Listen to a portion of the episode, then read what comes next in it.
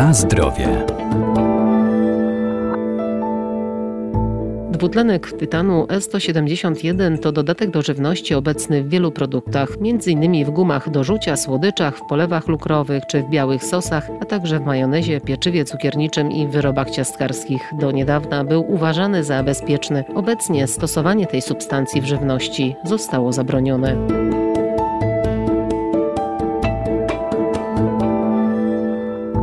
Dwutlenek tytanu, od lat stosowany głównie jako barwnik zabielający, jest przedmiotem badań wielu naukowców. Kolejne wyniki potwierdziły niekorzystne działanie na organizm człowieka, stąd decyzja o jego wycofaniu. Dwutlenek tytanu został w ostatnim czasie wycofany w znaczeniu takim, że już nie ma zgody na dodatek tego barwnika do żywności. Doktor habilitowany Paweł Glibowski, profesor uczelni Wydział Nauk o Żywności i Biotechnologii Uniwersytetu Przyrodniczego w Lublinie. Przy czym to jest barwnik biały.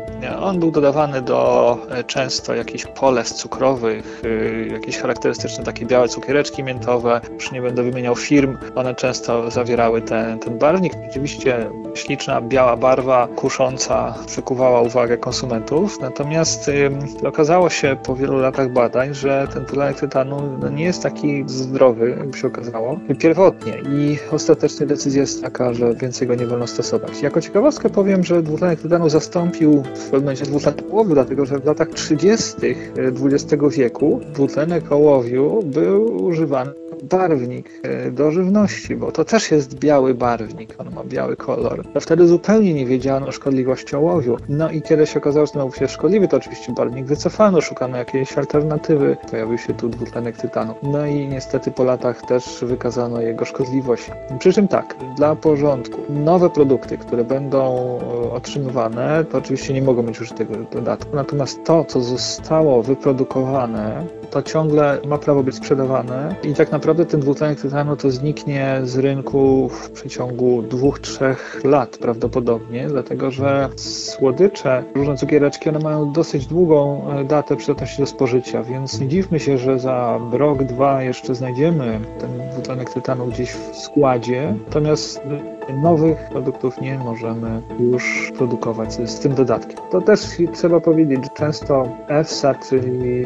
ta Europejska Organizacja, która wypowiada się na tego typu tematy, działa bardzo ostrożnie. To też nie jest tak, że ten dwutlenek tytanu on jest totalnie szkodliwy, czyli jeżeli nagle ktoś się zorientował, że przez lata jadł słodkie białe cukiereczki miętowe, to nagle może mieć jakiś problem. Nie, to tak się nie musi skończyć, więc tutaj też pragnę uspokoić.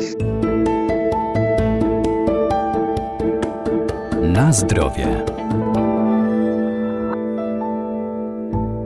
Powszechna dostępność dodatków do żywności, w tym różnych barwników, sprawiła, że producenci coraz chętniej dodają je do swoich wyrobów, ale nie wszystkich musimy się bać. Najbezpieczniejsze barwniki, które są dodawane i też mają symbole E, to są barwniki naturalne, czyli na przykład y, barwnik żółty Annato, który jest obecny w margarynach, pochodzi z natury i tutaj jest on jak najbardziej bezpieczny. Podobnie ma się kwestia, jeżeli chodzi o karoteny. Barwniki karotenoidowe, one również są stosowane do barwienia produktów, nie tylko zresztą margaryn, ale także masła. Beta-karoten na przykład dodawany jest do, do masła regularnie przez producentów, dlatego że gdybyśmy chcieli otrzymywać prawdziwe masło bez żadnych dodatków w okresie zimowym, to ono by miało kolor biały praktycznie, no z jakimś tam może lekkim kremowym odcieniem. No, konsument nie chciałby takiego masła kupować, ono by się niewiele od smalcu różniło wyglądem. Więc dodaje się ten beta-karoten, bo konsument po prostu preferuje preferuje żółte masło, ale tutaj tego bym się nie obawiał, bo ten beta-karoten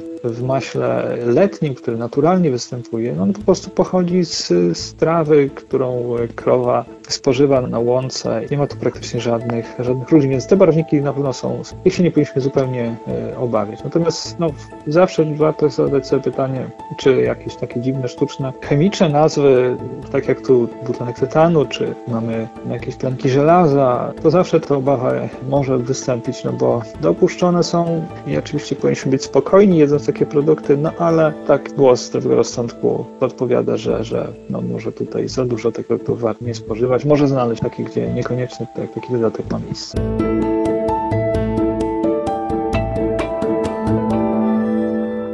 Warto więc czytać składy produktów na opakowaniach, by mieć świadomość tego, co spożywamy, a najlepiej trzymać się zasady, że im mniej substancji użyto do ich wyrobu, tym lepiej.